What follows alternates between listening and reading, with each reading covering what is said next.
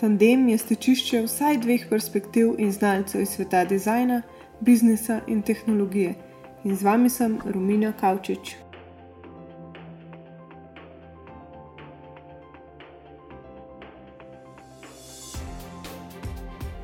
Vsako novo nastalo podjetje začne brez uporabnikov, brez vodiča, ki pelje mimo ovir, samo željo, energijo in skupkom znanja ekipe, ki so oblikuje edinstveno poslovno identiteto.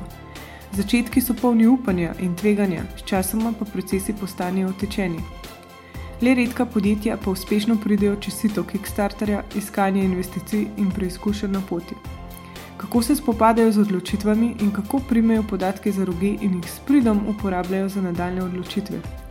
O internetu stvari, pametnih napravah, hardveru in softveru sem govorila z Domnom in Lukom.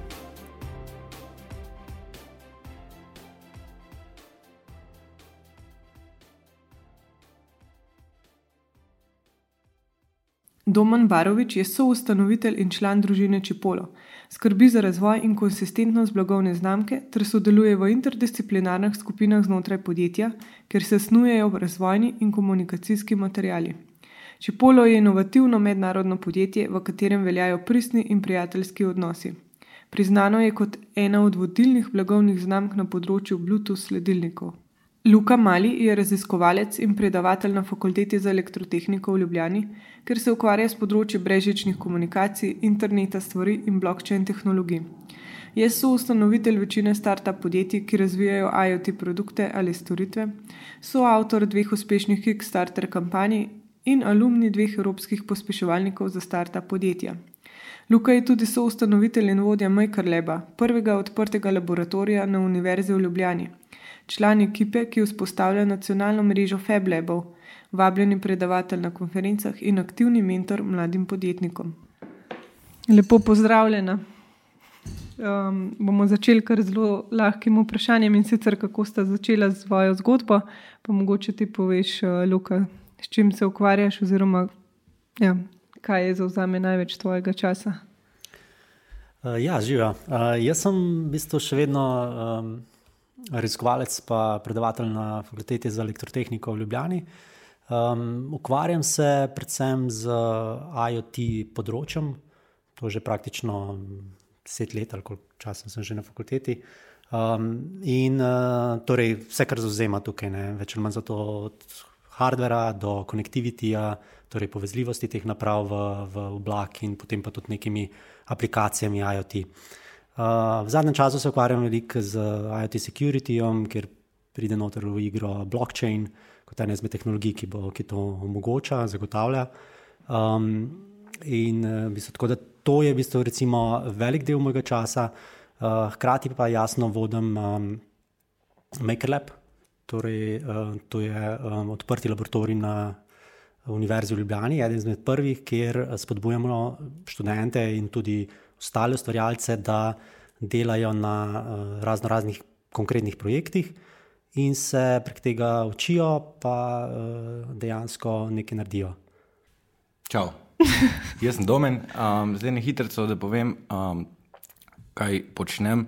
Zdaj, um, jaz sem eden, eden izmed šestih ustanoviteljev uh, Čipola uh, in v resnici je taka zgodba v, takšni, v takšnem kontekstu, o katerem danes govorimo, za me začela. Um, drugače smo pa ena taka zelo velika družina, tako da ne morem govoriti ravno o sebi, ampak lahko govorim pač o celotni Čipolo družini, naj si bojo to začetniki, founderji ali pa naj se gre to zdaj za celotno ekipo 45 ljudi. Um, mi smo to zgodbo nekako zastavili že davno, davno, leta 2012-2011, ko smo začeli programirati uh, iOS aplikacije, naprimer za Pjatnik. Um, to je bil en del skupine, drugi del skupine se nam je pa pridružil, ko smo imeli eno takšno. Ko smo imeli eno takšno zadevco z enim večjim slovenskim podjetjem, uh, ki je želel neko hardware integracijo, in takrat je nastala pač takšna projektna skupinica, uh, spoznali smo se, itak smo se že odprej poznali, um, potem smo pa pač ugotovili potrebo po takšnem produktu, ki ga izdelujemo, oziroma o servisih, ki jih ponujamo, in takrat se je ta zgodba začela. Potem pa Kickstarter 2013 in od takrat naprej smo vsi neprespani, full delamo, ampak je full super. Kako da ste si za prvo financiranje izbrali ravno Kickstarter? Uh, no, takrat, ko smo mi to zadevo štartali, je bil Kickstarter en tak, en tak boom, en tak hit. Uh, predvsem je tukaj zahvala, da je bil v Sloveniji uh, Nikoto. Um, takrat se je o tej zadevi ful govorilo, ful je bilo medijsko podprto, ful je bilo medijsko podprto in takrat smo rekli, ok, gremo na Kickstarter, ker smo že nekako vedeli, da um, bomo dobili poleg, mislim, da bomo dobili, poskusili smo dobiti neka sredstva za zagon, um, v resnici smo vedeli, da bomo mogli vložiti tudi lastna sredstva. Um, in vedeli smo, da je to mogoče neka odskočna deska, da, si, da postaneš prepoznaven v poplavi pač vseh teh produktov, servisov, ki so pač prisotni. Je bila v tistem času tudi najlažja varianta, oziroma neka evalvacija pač tega produkta, ki ste ga delali? Ja, tu definitivno, oziroma tako najlažja ni bila, ker že takrat so bili zametki neke profesionalnosti pri samem Kickstarterju, tako da smo mi že takrat um, en ogromno enih resursov, časa in raznih stvari vložili v ta projekt. Um, definitivno smo se pa ja tudi zavedali, da bo to pač pokazatelj, ali je naša rešitev ustrezna, ali je primerna na trgu, ali um, je sprejeta, in hkrati smo nekako dobili neko analizo in sredstva, tako da top šit. Mhm. Luka, tudi ti imaš izkušnje, oziroma si svetoval pri uh, podjetjih, ki so zbirali denar, oziroma zakonska sredstva na Kickstarterju, pa Indiegogo. Kaj bi rekel, da so prednosti in slabosti, oziroma zakaj so bile v tistem času najbolj zanimive ravno te spletne strani? Um, ja, res je. Jaz sem um, bil v bistvu. Um, del v bistvu ekipe, oziroma večjih ekip, dveh uspešnih in ene neuspešne uh, Kickstarter uh, ekipe. Um, ja, v tistem, tistem fazi je bilo Kickstarter res zanimiva platforma. Um, sploh za, za določene projekte, ki v resnici uh, teže dobijo denar druge. In um, torej, to govorim predvsem za art projekte, lifestyle projekte in tako naprej. Pojavile so se pa tudi, tudi te ideje eh, torej okrog hardware projektov, ne, uh, ali pa tudi IoT projektov v tisti, tisti, tisti fazi, kjer je v bistvu uh, še vedno bilo za hardware zelo težko dobiti sredstva. Še danes je praktično zelo težko dobiti sredstva, um, torej neke investitorje, ki investirajo v, v hardware zgodbe, zato ker je to zelo. Drago. Sam, sama, sama izdelava uh, fizičnih produktov je bistveno uh, teže, teže oziroma draže, mogoče v prvi fazi, teže dobiti ta MVP v prvi fazi. Tako da v bistvu se je izkazalo Kickstarter kot ena izmed platform ravno za to. Uh, in tako je že prej uh, Domen povedal, da v bistvu v resnici imamo. Je, je velika prednost, lahko validiraš trg, um, je pa velika slabost, da so se pojavili uh, razno razni projekti, ki so nekako na silo se hoteli financirati preko uh, te platforme. Zato smo danes tukaj, kjer smo, ker je verjetno bistveno dražje praktično uh, danes zagnati kampanje, kot pa iz nje dobiti uh, denar. Torej, več denarja porabimo, kot pa v bistvu dobimo. Mhm. Ja, pa v bistvu te Kickstarter projekte so delali ljudje, ki v osnovi niso bili, naprimer, biznismeni ali pa niso še imeli izkušenj s podjetništvom. Zato me zanima, Kako ste vi pa nadaljevali po tej Kickstarter zgodbi? A ste vse te customerje analizirali in se potem odločili, kam bi šli, oziroma ste še lepo ali videli, da je naša target skupina, bomo na tem delali? Um, ja, mi smo v resnici, um, ko smo to kampanjo spalali, smo, kot smo že prej rekli, smo dobili neko analizo, dobili smo neko potrditev. Zdaj, um, kar se tiče um, teh obiskovalcev oziroma nekih uporabnikov takšnih strani kot je Kickstarter. Um, samo s temi je pač. To je že neka skupina. Men, um, ni, nismo jih mogli zdaj segmentirati kupcev, glede na, glede na, na Kickstarter. Vemo, da so, da so to pač teh entuzijasti, v glavnem, oziroma neki freelanceri in taki odprto, uh, glavni, bomo rekli, um, ljudje. Um, in naprimer, tudi, moram povedati, da tudi ko zdaj naredimo vsake tok um, analizo naših kupcev, ugotovimo, da dejansko je ta skupina še vedno najbolj, um, bom rekel, največ uporabnikov iz te skupine. Um, je pa res, da um, kako smo v resnici zgodbo nadaljevali, potem ta Kickstarter je bil tako ena super stvar, um, hkrati ti pa povzroči take glavobole, da da je kar hudo. Um, in zakaj? Zaradi tega, ker pač, ko dobiš neko potrditev, da je zadeva primerna, um, potem hvala Bogu, je na eni strani full inputa nekih distributerjev, nekih, uh, nekih bomo rekli, nekih odjemalcev, hvala Bogu. Um, ampak teh je toliko, da ne veš, komu več verjeti. Um, da in ne, ne samo teh, potem so tukaj še razni, razni bomo rekli, um, razni uh, kadri, ki se želijo priključ, priključiti timu. Fulmaš nekih inputov, fulmaš neki, nekega hesla, so stvar. In vse to sfurati je katastrofa. Plus, da moraš sfurati še celoten projekt, ki si ga zastavil. In tu je bil tak pozitivno-negativni moment, ker, hvala Bogu, je prerasel pozitivno. Mm. Ampak, ste imeli kakšne mentorje, da so vam svetovali, da ste jim zaupali v osnovi, da niste mislili, da vas hočejo izkoristiti? Ja, imeli smo, imeli smo pač uh, seveda podporo vseh teh slovenskih, um, bomo rekli, um, slovenskih mecenov. Uh -huh. uh, takšnih, takšnih in takšnih podobnih projektov, um, seveda pomagajo nam predvsej tudi v DVSOFT-u, to je en pač razvojno podjetje iz našega kraja. Uh, Um, in na podlagi teh pomoči, v resnici, mi smo bili njihov poskusni zajček, oziroma pri nas so mhm. ugotovili, da, da, da je, je perspektiva na tem področju, in zaradi tega so tudi naredili pač ta pospeševalnik, ki je zdaj pri nas. Ravno za takšne uh mhm. -huh. projekte, hardverske, kot je že Luka prej omenil, da so pač težje, uh, za katere je težje pridobiti neka sredstva, neko investicijo.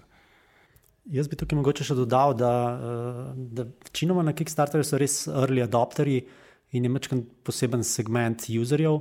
Um, slabost te platforme je predvsem ta, da, da imaš v bistvu nek komunity, ki mu moraš zadostiti ne? in v bistvu te usmerja v neko svojo smer. Uh, in zato je, um, in zato v bistvu je, uh, je idealen za, za, za projekte, kjer v bistvu so, uh, kot sem že prej omenil, ne? ker večkrat grejo na art.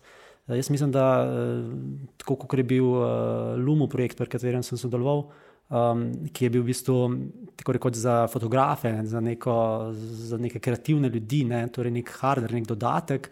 Um, je bil idealen. Ne? In mi takrat, ko smo pričakovali, res, da bo to nek hobi projekt in na koncu to pač ratala podjetje in uspešna zgodba, je uh, nas je vse presenetilo, zato se vedno te um, early adopteri, te torej, torej podporniki, so zahtevali svoje, svoje, svojo smer razvoja produkta, mogoče celo. Mm. Ja, vedno je treba pa slediti tem smernicam, ki se jih na začetku določi. In če ne, je že spet pač komunity uh, jezen, ker se ne držijo roko, oziroma spet je ta problem z zaupanjem. Ja, glede roko bi tukaj še posebej bil podaril to, da v resnici moraš imeti produkt zelo dobro narejen, na 90%. Do mene še zdaj veliko hodijo razne, razne ekipe, ki bi, ki bi želeli delati uh mhm. -huh. projekte in jih lansirati na platformi Kickstarter. Uh, in vedno svetujem, da praktično moraš imeti res daleč prepeljan produkt, ker boš še vedno zamudil rok. Ne? In če zamudiš rok, dobiš ta backfire in je, in je problem. Ne? Torej, podporniki, prag, imaš zelo veliko podpornikov, ni tako, kot kar par nekaj, ki imaš samo enega investitorja ne? ali pa nekaj investitorjev, imaš tukaj v bistvu na stotine ali tisoče celo investitorjev, ki ti v bistvu vsi zahtevajo nekaj od tebe. Ne? Ja, pa enkrat, ko je produkt narejen, je verjetno tudi lažje oceniti vse stroške, oziroma nek timeline, ki se postavi, pa v bistvu tudi objavi na Kickstarterju. Ko so v vsakem primeru pudre. Ja, Roko na srce. Ne? Res je. Je pa še ena zanimiva sklem, sam dodal. Um, jaz se strinjam, res je, fulj je dober imeti produkt čim, dalj, čim dlje prepeljan. Um, mi smo imeli tudi nekaj težav zaradi tega, ravno zaradi tega. Um, je pa zanimivo, da smo dobili um, feedback naprimer, od bolj, bomo rekli, ameriških podjetij, ne? kjer se pa lotijo Kickstarter kampanje z nič. Praktično naredijo celotno, uh, bomo rekli, tako kampanjo, pa pa sam tak projekti ponovadi malo slabi končajo. Ja, pa verjetno tam. Ne. Ali, ali jih skenslajo, ali pa v bistvu sploh je zamuda tudi do enega leta. Katastrofalno. Ona. Se po mojem je ravno zaradi takih slabih primerov, zdaj Kickstarter nima več toliko uporabnikov, oziroma je trg že tako zasičen, da ni več to prva misel za nekoga, da štarta. Jaz mislim, da je bilo primarno Kickstarter ni bil namenjen takšnim tipom financiranja takšnih projektov. Torej, te, ki bi, bi imeli v bistvu business-wise, founderje, ampak bi bili v bistvu bolj uh, bolj art usmerjeni, recimo, projekti. Ne. Hobi, nek, nek- neki hobi projekti, neki lifestyle posameznika, ki želi v bistvu nekaj v nekem lastnem komunitiju narediti.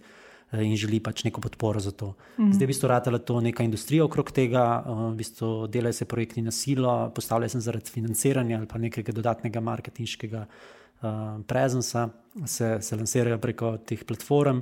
Uh, in jasno, potem, pa, potem so pa tukaj še te neuspešne zgodbe, uh, razni, razne skem zgodbe ki, in tako naprej, ki pač uh, mečejo slabo luč na celotno, uh, celoten komunity in se jasno za tega mačkano stavlja celotna. Celotna stvar. Saj v, v tem segmentu, torej financiranje takšnih tipov projektov. Projektov, ja. Vračajo se pa jasno tisti, ki so vedno bili. Ne. Domen, kako se pa lotevate rasti podjetja, kako se v bistvu odločate za nove produkte? Um, zdaj, kar se tiče rasti podjetja v smislu um, nekega kontenta oziroma zaposlenih, ko so posledica tega, um, je stvar precej organska. Uh -huh. Tako da se glede na neko, neke um, te zahteve oziroma neke želje se potem ta zadeva pelje naprej. Um, kar se tiče um, novih produktov, mi smo si zadali um, eno tako nalogo, da poskušamo našim uporabnikom pomagati pridobiti tisti delček, delček časa, um, ki jim pač v življenju um, vedno izgine, um, in da jim pomagamo biti mirni. Um, in zaradi tega imamo neko vodilo, imenuje se Find Your Everything, najdi svoj mir, najdi svoje stvari. Um, celotna ena taka zgodbica je, je zelo dolga. Um, in na podlagi tega slogana se mi odločamo za nove produkte. Ugotovili smo z raznimi analizami, um, nekakšen in pač javno dostopnimi podatki, predvsem na internetu, um, katere stvari se izgubljajo. In potem na podlagi tistega smo ugotovili, da smo mi sam še pokrili pač, okay, najbolj zgubljiv, zgubljivo zadevo. Um, tako da zdaj se razvija naprej za vse ostale, kar po spisku v resnici. Um, lotevamo se pa rasti tudi na drug način in sicer, da iščemo sodelovanje z razno raznimi uh, podjetji, ki izdelujejo zopet neke produkte, ki so zgubljivi. Ne vem, sodelujemo, z, pogovarjamo se z večjimi avtomobilskimi znamkami, potem s proizvajalci um, pametnih dodatkov, potem um, z raznimi, um, bomo rekli, nekem, nek, nek, neke, neka podjetja, ki izdelujejo ap- apparel. Um, In tako naprej. Pač vsi segmenti, kjer uh, je pač naša zgodba nekako logična in prisotna. Um, Luka, ti se pa ukvarjaš v Majkar Lebu v bistvu s tistimi, ki so čisto na začetku, torej študenti, ki imajo neko idejo, mogoče hočejo probati, če bi to delovali in jih pol formirate v skupine manjše, da lahko razvijajo idejo oziroma jim date poligon za ustvarjanje teh idej.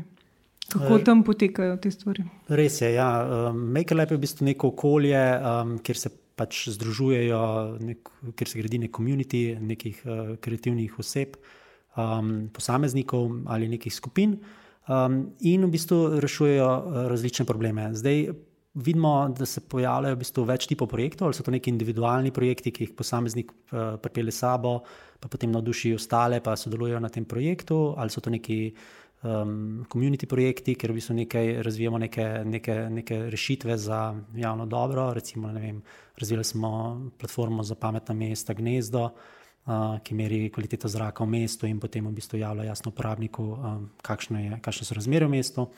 Um, in pa eh, tudi projekti, ki v bistvu imajo. Um, Projekti, ki imajo recimo uh, izobraževalni uh, namen ali pa recimo uh, tekmovalni, rečemo, kjer se študenti zberejo in razvijajo neko rešitev, da bodo zmagali na določenem mednarodnem tekmovanju. Uh, Lep primer je za to TAFR, robot za agronomijo, ki se avtonomno pač sprehaja po polju in uh, upravlja neka opravila v, na polju. Uh, in pa jasno, četrti tip projektov so uh, projekti, uh, ki, ki pridejo od zunaj, torej neke podjetja, uh, ki rabijo, v bistvu, uh, rabijo neke sveže ideje, sveže znanja in jih v bistvu pomagamo rešiti. Zdaj, sami pristopi, ki jih, ki jih imamo, jasno, ponudimo neko opremo, uh, osnovno, eh, 3D tiskalniki, cenci razkalniki, laserski rezalniki in tako naprej, za izdelavo, uh, torej oprema za izdelavo uh, nekih elektronskih vezij.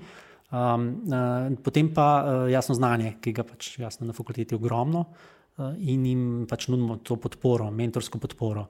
Um, pristopi, ki pa, ki pa, ki pa v bistvu se klotevamo, so jasno sodobni pristopi, kot je design thinking pristopi, uh, kako bi se sploh raziskati uh, trg, če, če projekt bo uspešen ali ne bo uspešen, in tudi potem ja, celotna pot, kako, kako pripeljati projekt od ideje do, nekega, do nekih prototipov. Uh, tukaj se načeloma ustavi zgodba v, v mhm. MakerLabu. Uh, pripravi se jih do prototipov, mogoče do neke eh, prve predprodukcijske različice, potem pa jasno se razvoj nadaljuje v, v podjetjih. Torej, študenti lahko bolj sodelujejo s podjetji ali pa pač ustanovijo neko svojo podjetniško zgodbo. Tako je. Določeni dejansko ustanovijo podjetje svoje in se potem naprej lotevajo te zgodbe, določeni se, se priključijo podjetju. Lep, lepa, lep primer, uspešen primer z naše strani, mislim, da je bil, ker se je ekipa petih študentov, ki je delala na enem projektu, praktično vsi skupaj zaposlili v enem podjetju in so praktično ustanovili nov oddelek za razvoj določenih produktov v okviru nekega obstoječega podjetja. Mhm.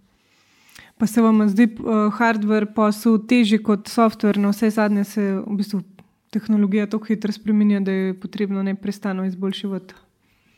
Um, ja, zdaj tudi v hardwareu je nekaj softvera. Ne? Tako da um, mi mislimo, da je software tista glavna stvar, ki zadevo pač pelje naprej.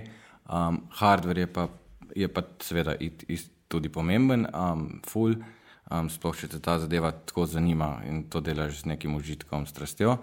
Um, ampak, če bi mogli tako rangirati, bi, jaz, bi mi nekako rekli, da je mogoče softver tisti, ki je, ki je res um, tista stvar, ki naredi razliko. Hardware je pa nekaj, kar je spremljevalnega, s tem, da hardware ima neko specifiko, da je te, pač ta cikl produkta zaradi hardvera, zato ker je pač proizvodni proces, bla, bla, bla, bla. bla Um, in tudi zaradi tega, ker se stalno pojavljajo neke novitete na tem področju, um, tako zelo težko obvladljiv, zelo hiter si, zelo hiter postaneš decrypted. Mhm. Na softveru je pač to lažje, updateš in je zadeva rešena. Hardware je pa iz tega vidika, je hardware teže. Mhm. Ja, pa tudi, recimo, če pogledamo, vi ste imeli na začetku ta čipolo okrogle oblike, zdaj ste pa že predstavili tanjšo obliko in verjetno, če tehnologija ne bi šla tako naprej, ne bi mogli ga tako stanjšati. Oziroma je to tudi posledica izboljšav. Tako, to je tudi posledica s tem, da hvala Bogu, um, posledica teh izboljšav je predvsem jaz, tako da gre hardware naprej in pa ugotovito, da je treba res iti malo navzven pogledati, ker mi smo pač se nekako zabetonirali v tej naši preljubi Sloveniji. Um, potem smo pa ugotovili, da pač tukaj nekako mogoče se spelje do ene mere. Naprej, kar se tiče pa večjih izzivov, um, smo šli pa konkretno mi na Japonsko, mhm. um, kjer so nam lahko pač pomagali s svojim znanjem. Tako da, po vašem primeru. Je definitivno pomagal pri tej zadevi, ne Luka. Ja, absolutno. ne, pa v vašem primeru je tudi zelo pomembno, so v bistvu podatki, ker s podatki rešujete ta problem. Ni samo hardware, ki rešuje recimo, najdbo izgubljenega ključa. Ampak imate vse povezano. In s tem, ki imate tudi to povezavo, da jaz pa ti, če smo prijatelji, si povečava mrežo, in spet v bistvu podatki so na prvem mestu. Tako, zdaj se malo počasi prehajamo v IoT. Um, pač, ja, res je, mi gradimo infrastrukturo, uh, ker verjamemo v, uh, v, on, že, v slogi je moč. Uh, um, naša infrastruktura, ki temelji seveda na vseh podatkih, um, anonimnih, seveda, kar se tiče naših uporabnikov. Um, pač ja, to je the big picture. Ja, jaz bi se popolnoma strinjal. Ne. Hardware je v bistvu, sploh v IoT-ju, je praktično hardware plus software in, in v veliki meri je bistveno več software, oziroma software na različnih. Imamo tako software na napravi, imamo software na v cloudu, imamo software na aplikaciji, ne, tako da je en kup v bistvu softvera, hardware je pa samo en vesel, samo ena. Uh, en, en, en enabler, v bistvu, da, da lahko pridemo do userja in da nekaj več mu ponudimo, kar mu bi, bi mu lahko samo s softverom na nekem telefonu. Um, poleg tega, pri hardwareu je, v bistvu, te, je zelo, zelo drago v bistvu, narediti en cikl uh, cikl produkta, rabimo zelo velike količine, da lahko ceno v bistvu uh, znižamo, da je v bistvu produkt sploh uh, prodajljiv na trgu. Uh, in je tukaj pač igra vlogo, ta ekonomika obsega ne, zelo veliko vlogo. Um, tako da, ja, da se ponovno strinjam. Zdaj tudi en lep primer je avtomobilska industrija, ki, ki doživlja en velik, velik shift, ne, uh, kjer se govori, da v naslednjih desetih letih ne, bo praktično uh, klasično vozilo, ne, bo strošek za delavo, bo samo 20% še mehanika, ne mehanski deli, um, potem 30% elektronika in več kot torej 50% pa software. Ne. Security. ja, security je, je pa jasno potreben tukaj. Vključiti v to, v to zgodbo. Mm. Ja, v bistvu s hardverom dodamo nek layer, naprimer, če spet se vrnemo k Lumu. Je telefon ima neke omejene možnosti, Lumu je dodal nek layer in s tem ste dobili tudi aplikacijo, ki je pomagala za hobi fotografom ali pa pač tudi profi fotografom dobiti podatke o svetlobi. Uh, tako je, ja. Torej, v bistvu z nekim dodatnim hardverom, ki je relativno enostaven, bil v tistem momentu, smo res dodali nek senzor, ki je lahko omogočil bistveno več, kar pa bi lahko v tisti fazi uh, mobilni telefon. Uh, jasno smo pa vedno iskali, uh, kako bi zgodbo, kako bi v bistvu se skupaj vključili v IoT ekosistem. Uh, tako da to je bil v bistvu cilj, ker v bistvu data is the new oil. Torej, mm -hmm podatki so nova, nova, nova nafta in uh, ta trend v bistvu se zdaj počasi vrti v to smer. Mhm. Jaz se v bistvu radi poudarjam, oziroma zadnje čase veliko člankov na to temo, da bo IoT spremenil svet, ker imamo praktično vse naprave, že lahko povežemo na internetu oziroma med sabo. Oziroma, um, kaj vama pomeni to? IoT. Recimo, za primer Čepola smo že omenili, da delate infrastrukturo za bazo podatkov. Ja, tako, um, prvo, ta IoT fenomen um, je, je tako, mogoče malo uh, toplo-hladen. Um, na razno raznih segmentih in posod se govori, da pač IoT je nek, neka zmožnost povezovanja, povezovanja raznih naprav na internet, seveda, in pa tudi komunikacije med sabo. Um, zdaj, mi smo dobili ful dobr feedback zdaj iz CESA in mislim feedback, neke smernice in smo ugotovili pač naslednja stvar je smart cities, kar pomeni, da nekako američani že tretirajo, da je um, IoT v domu, to pomeni, rečemo HomeKit od Apple, ena taka zadeva, da je ta zadeva že rešena. Zdaj, naprimer, mi vse to spremljamo konkretno, mi z enim tako majhnim grenkim priokusom, ne? zato ker imamo občutek, da je pač še veliko nekih tehničnih, predvsem tehničnih, tako, um, ne, te nekih tehničnih zagad pri vsej zadevi. Um, pač ta infrastruktura je tista, ki, ki, ki, ki, je, um, ki je ta bottleneck na nek način. Um, obstaja en tak izraz, bucket remote, se imenuje, um, primer, da imamo doma full teh um, pilotov za televizijo, ne? vsi delajo isto vsi so neki pametni, med sabo pa ne vejo, za kaj se gre.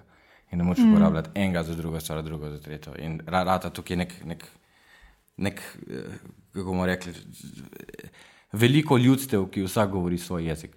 In se mi zdi, da to je mogoče tista pika na iko, ker fali IoT, da bi vse zadeve, vsi govorili ist, isti jezik in potem bi zadeva pač ful bolj špila na nek način. Je pa še to, še to moram povedati, uh, ful zanimivo je bilo tudi iz CESA feedback. Um, naprimer, razlika zopet med Evropo in Ameriko. Um, naprimer, pod, pod imenom Smart Cities se v Ameriki tretira predvsem neke, neke, neke dejavnosti oziroma neke discipline vezane na mobility, tudi na, na vem, razne avtomobile, bla, bla, bla. Uh -huh. uh, Evropa je pa tipično značilna. Um, da, se, da, da grejo vsi trendi v to, da se samo zmanjša poraba energije ta ja, v neko ekološko smer. Ja, bolj, ful, bolj ekološko, čeprav američani še ful, forsirajo to, ampak dokler imajo takšne avto in take zadevce z izjemami, je malo to tako. Mogoče če jaz dodam, kot uh, nekdo, ki se tudi raziskovalno malo s tem področjem ukvarja že zadnja leta. Um, ja, gre pač, je trend, je pač neka revolucija in posledično, kot vsaka sprememba, pač rab nek svoj čas. in se popolnoma strinjam, ne, da, je, um, da je trenutno ni standardov, ne, ki bi bili v bistvu poenoteni, ne, da so praktično uh, ekosistem internet je bil sam zgrajen na ta način, da se je odprl in potem se je vse skupaj zelo kaotično sestavljalo skupaj in na srečo konvergira proti navzgor, torej uh, prinaša nek veljo. Ne. Um, se pa pojavljajo tudi jasno um, nove brežične tehnologije, da v bistvu omogočajo povezljivost teh naprav, uh, torej da imajo manjšo porabo in tako naprej. Um, prihaja pač eh, peta generacija mobilne telefonije, še vmes prihajajo novi standardi na LTE-ju, ki bodo omogočali uh, povezovanje na deset tisoč naprav na kvadratni kilometr in tako naprej. Ne bojo ti. Ne? Tako da, um, tako je, ja. torej ne roben dajo ti. Um, tako, da, tako da se tu tukaj veliko, veliko, veliko dogaja. Je pa eh, jasno, tudi prej nismo ni, ni mogli tega, uh, tega narediti uh, ker bilo, uh, ker, ker IoT ni v bistvu samo naprave, senzori in tako naprej. Ne? Ampak IoT so jasno tudi, uh, je tudi connectivity.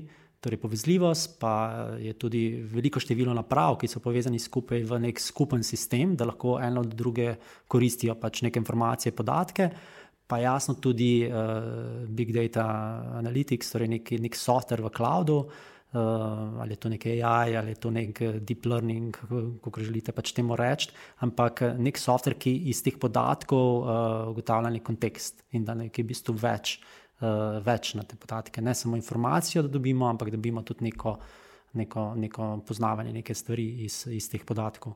Uh, je pa problem ta, ja, da na tej Gartnerjevi znani krivulji IoT čist na vrhu, torej relacija med pričakovano tehnologijo in pa dejanskim deploymentom, ne, uh, torej uh, releasom tehnologije, je, je največji hype okrog tega. Torej, zelo veliko se govori o tem, smo pa še, uh, še nekaj, nekaj let od tega. A bo največji izziv zasebnost? Ker če bomo imeli praktično vsako napravo povezano tudi od doma, Ali bo izziv za uporabnika, oziroma narediti neko okolje, da se bo uporabnik še vedno počutil varnega, oziroma da pač se ne šere čisto vse v cloud? Um, ja, zelo velik izziv je definitivno zasebnost, ampak jaz vidim, da je, da je v bistvu zaradi tega kaotičnega razvoja interneta in predvsem storitev na internetu, ne, ki so v bistvu praktično ne ve se, kdo uh, pije in kdo plača, oziroma zakaj v bistvu uh, s čim plačujemo, ker imamo tako veliko free uh, storitev. Ne? Da celotni poslovni modeli so bili, so bili tako oblikovani. Ne?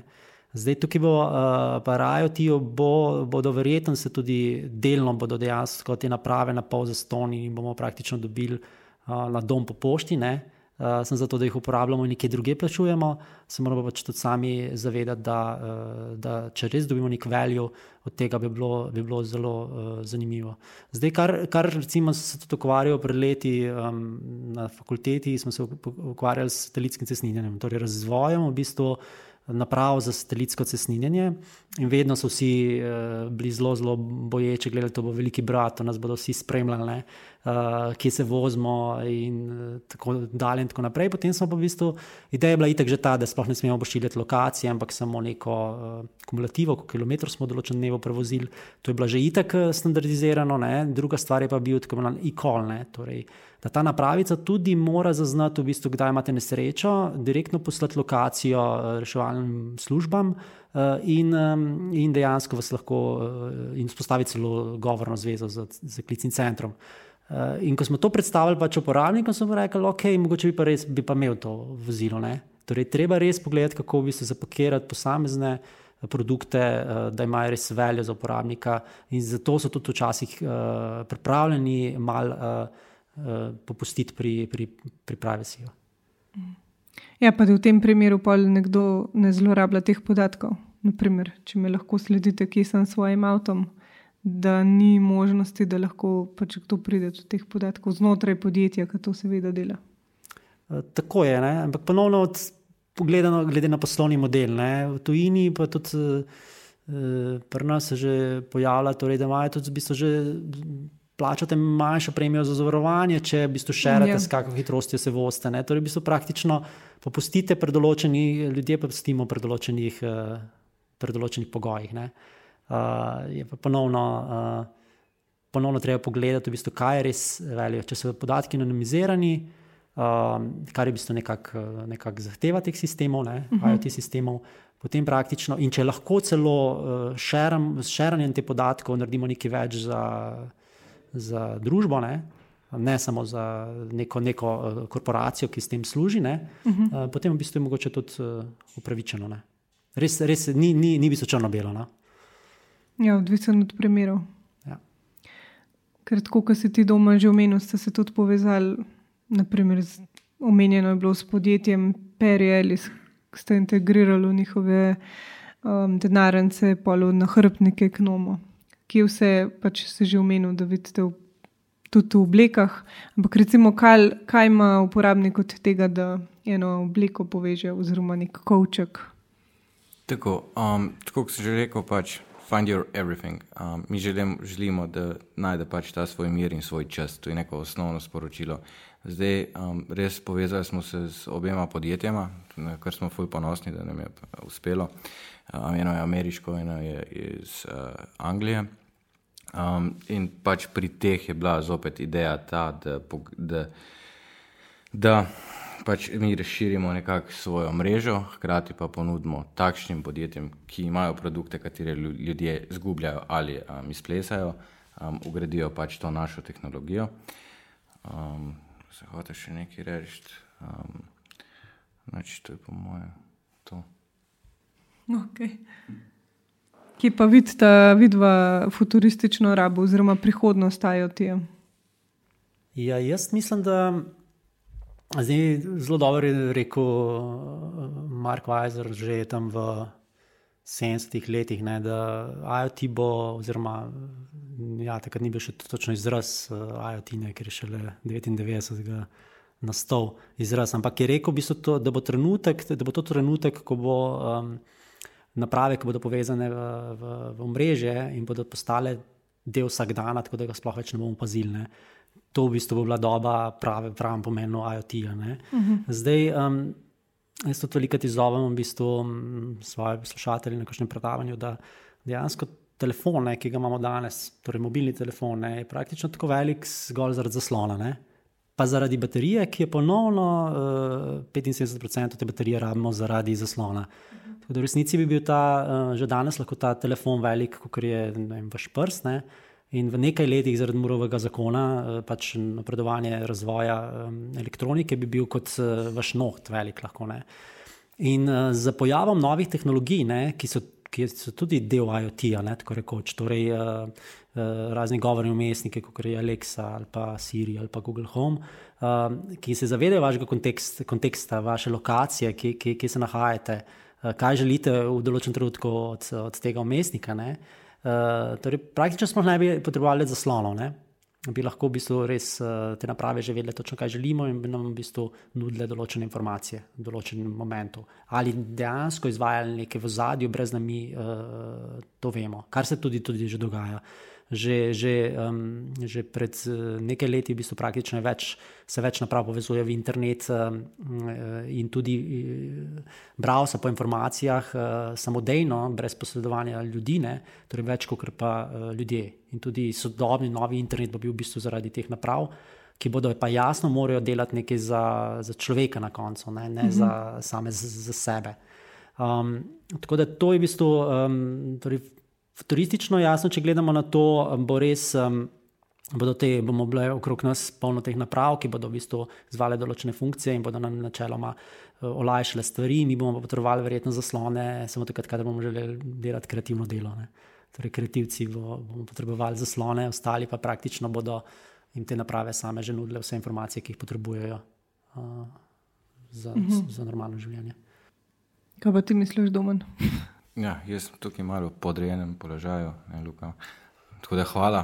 Uh, neč, um, jaz se strinjam s tem, da pač glavni namen vsega, karkoli se dogaja, ali v IoT ali kje druge, je pač neka pozitivna, neka pozitivna stvar za človeka. Uh, to se mi zdi ful pomembno, ful je pomembna, ful je pomemben privacy, kot smo že omenili. In pa um, zdaj glih, bral sem, vem, včeraj je bil glih, eh, en članek na temo, ki jo je imel zdaj Apple. težavo, ki je bila izpostavljena zaradi tega, ker so opremili pač vse učilnice z njihovimi produkti uh, in se je mogel pač ta tim mal brand, ampak pač to je, kot smo že prej omenili, to je ena posledica razvoja na eni strani in pridobivanja novih informacij versus privacy. Tako da to je tista stvar, mm. ki bo diktirala, se mi zdi, razvoj. Nadaljno zadevo. Ja. Kaj bi pa priporočila mladim, ki želijo ustvariti nek svoj fizični produkt, hardware, nek, recimo, da da ta najboljši napotek? Jaz bi rekel, da, da prvo razmislijo, ali se da to stvar rešiti s softverom. Um, torej, v resnici, da, da, da če ne drugega, da pogledajo, če na trgu obstaja določen off-the-shelf uh, hardware in ga v bistvu potem nekako integrirajo v svojo rešitev. Uh, in, in so nekako na dolgi rok v svojem roadmapu, v bistvu hardware agnostik, temu pravimo. Torej, da bi se ne glede na to, katero napravo priključijo v svoj sistem, da v bistvu nudijo nek, da povečajo ta value. Uh, jaz sem tudi kar pogosto um, na kitajskem, uh, spremljam, kaj, kaj se tam dogaja, in v resnici, pa tudi jaz na Japonskem, Tajvanu in tako dalje. Um, tam v bistvu so delali res inovacije že danes, vsaj na tem hardverskem področju. Uh mhm. -huh. Oni res znajo v bistvu razviti razvit tudi stvari, ne samo uh, v bistvu proizvajati. Uh, in posledično mi pa smo močni, predvsem v dizajnu, v uporabniških izkušnjah in pa v samih aplikacijah, ne, ki, ki jih v bistvu delamo. Eh, in pa jasno v softveru. Tako da jaz mhm. mislim, da se moramo tukaj fokusirati. Če pa že v bistvu imajo idejo, pa nujno rabijo v bistvu hardware, pa jaz mislim, da se naj vključijo v neka uh, odprta okolja, kot so FabLabi. Mm, zdaj mi v bistvu uh, tudi na fakulteti se aktivno ukvarjamo s tem, da, da bomo nekako naredili uh, vse slovensko mrežo FabLabov po, po celotni državi, kjer bodo pač ta okolja, kjer bodo nudili ravno tem mladim z idejami, da, da la, la, lažje v bistvu naredijo tudi neke fizične produkte. Uh, in jih v bistvu peljemo čez ta proces. Tako da, dajte se vključiti v te komunitije, uh, uh, kjer v bistvu se znanje z veseljem šera, uh, kjer so mentori na voljo, kjer je oprema na voljo in bo ta en korak uh, hitreje do, do, do, do cilja. Uh, hkrati pa jasno razmišljate, kje, kje lahko res dodate vrednost svojim, svoji rešitvi. A pa so kakšni pogoji za vstop? Kaj se je namenjeno večinoma študentom? Ne, eh, zdaj uh, uh, MakerLab, že kot sam je odprti laboratorij, eden od prvih laboratorij, odprtih laboratorijev na univerzi, ki je, ki, na katerega lahko praktično uh, stopa vsak. Uh -huh. um, in na enak način v bistvu se bodo gradili uh, uh, FabLabi v, v partnerstvu z določenimi podjetji in z občinami na uh, regijski ravni, torej na lokalni ravni. Uh -huh. uh, in, in princip delovanja FabLabov je odprtost. Torej, da je odprto za uh, vse ljudi. Zdaj, poslovni modeli so različni, uh, ampak najbolj si lahko predstavljamo to kot neke vrste knjižnica. Torej, uh -huh. Da mhm. dejansko uh, imate neko članarino ali pa v bistvu plačate določeno servis, če uporabljate določeno opremo uh, in temu celo pravimo tudi knjižnice 2.0. Tako, uh -huh. da, tako da so bodo odprti in morajo biti odprti. Kje pa lahko dobijo več informacij? Mislim, da so dostopne že na spletu ali trenutno je še v razvoju. Zdaj, v bistvu, v, teh odprtih eh, laboratorijev je nekaj po Sloveniji že obstoječih, ki so mhm. tudi vključeni v to mrežo. Večino so koncentrirani v Ljubljani, pa Mariboru, uh, nažalost, mi pa želimo to v bistvu uh, pripeljati tudi v bistvu na, na lokalno raven, na manjše, na manjše uh, kraje. Uh, informacije so bodo dostopne, uh, če, če pogledate če na internetu uh, FabLab Slovenija uh, in, in boste v bistvu se našli. Ok, še jaz. Um, jaz pravim, kar v akcijo. Um, meni se zdi, ful, ful, uh, ta hardverski del ena ful dobra zadeva, če češ uh, izživeti svojo kreativo, uh, neka, neka pač narediti neko novo zadevo. Um, tako da, ne vem, jaz lahko povem našo zgodbo. No? Nam se zdaj, mi smo pač videli tukaj nek ekstra izziv. In zaradi tega smo šli, videli smo neko opcijo, neko rešitev s hardverom, in pa tudi želeli smo se na nek način izraziti. In tukaj, zato nas je ta zgodba pripeljala v hardware. Kot je že Luka povedal. Software je lažje popravljiv, um, krajši so cikli, um, cenejši je. Tako da bolj smotrno je iti v software. Ampak če imaš tisto, tisto žilico, da bi res arhitekt. No, imam, imam, imam želje po oblikovanju zadev, ne samo na zaslonu, um, nas je pa pač ta zadeva ne preparala. In vsi mali, eh, mladi, pač, ki se želijo nekako poskusiti v teh stvareh, je dal tudi že Luka Ful nekih napotkov. Um, imamo pa tudi razne inkubatorje, tudi zasebne, tudi lokalne, ko vidimo, da, vidim, da se moramo še v resnici malo bolj pogovoriti, pa povezati med sabo, ja, uh, ki prav taka zadeva omogočajo. Pač v Sesavju, mi smo malo zaprti tam, pač, uh, ampak želimo ustvariti silicijo kotlino, malo se hecamo, ampak takšne, takš, takšne je neko moralno vodilo tam pri nas. V Zasavju lahko pridejo do vas po nasvet. Ni problem, samo če bojo najdli. No, mislim, da ne bo problema. Drugače, tudi uh, katapult je jasno del mreže. Um, ja, vse informacije so v bistvu na voljo in jih lahko najdete na, uh, na spletni strani fabla.ca. Uh -huh. Hvala, Luka. Namestiš, kar sem se malo videl. Aha, ok. Um, Česa je pa v uspehu več talenta, sreče ali trdega dela? Uh, Najbolj klišejski odgovor je, da rabiš vse. um, drugače, jaz osebno lahko rečem, da jih lahko porangiram na nek način in sicer bi dal tako trdo delo na prvo mesto, srečo na drugo, talent pa na tretje. In zakaj? Um, če imaš neko željo, nekaj narediti um, in če se boš zelo trudil za to, um, boš že najdel nekoga drugega, ki bo imel srečo in nekoga tretjega, ki bo imel talent, tako da boš lahko vso zadevo uspel. Je v bistvu neka sinergija tudi v ekipi potrebna ja, ja, za, do, za uspeh. Definitivno, definitivno. Če ni neke sinergije v ekipi, je tako brez. Verjeti moramo, da vse te zadeve vzamejo ekstremno veliko časa. In če ni nekega družinskega odnosa med temi ljudmi, zadeva hitro postane neozdržna in zadeva razpade. Tako da, ja, in ponovadi tako, da vsak človek ima neko lasnost in je delček te cele mm -hmm. zgodbe. Tako da, ja, skupina je super. Ja, jaz se absolutno strinjam, da je trdo delo, je po mojem najbolj pomembna stvar. Ne. Eh, je pa bistveno lažje v bistvu nekaj delati, če, če si strasten, ne. če te res nekaj veseli in v bistvu čas zelo hitro mineva in praktično vložiš tisti potreben čas, da pripeleš neko stvar uh, do cilja. Ja, peščica talenta tudi pomaga, ker nekatere stvari mogoče eh, malo hitreje ziteriraš. Um, to vidimo predvsem takrat, kadar nam nekaj ne gre, ne, pa verjetno nimamo največ talenta, ampak vseeno, če si ustrajen, boš v bistvu prišel tudi čez največje težave. Um, kar se tiče sreče, pa mislim, da doleti ustrajne. Torej, če si četrto delaš, bo slejko prej pač pride tudi sreča, če temu tako pravim. In pogumne. In pogumne, ja. Res je. Da nisi samo v svoji kotlini. Vi ste tudi mogli to svet. Ja, smo mogli. Hvala Bogu. Super je. Super je. Prisiljeni. Se ne bi bil stal, bi v vsakem primeru bi šli. Ej, ful, hvala za te super nasvete. Hvala. Hvala, Romina, za povabilo.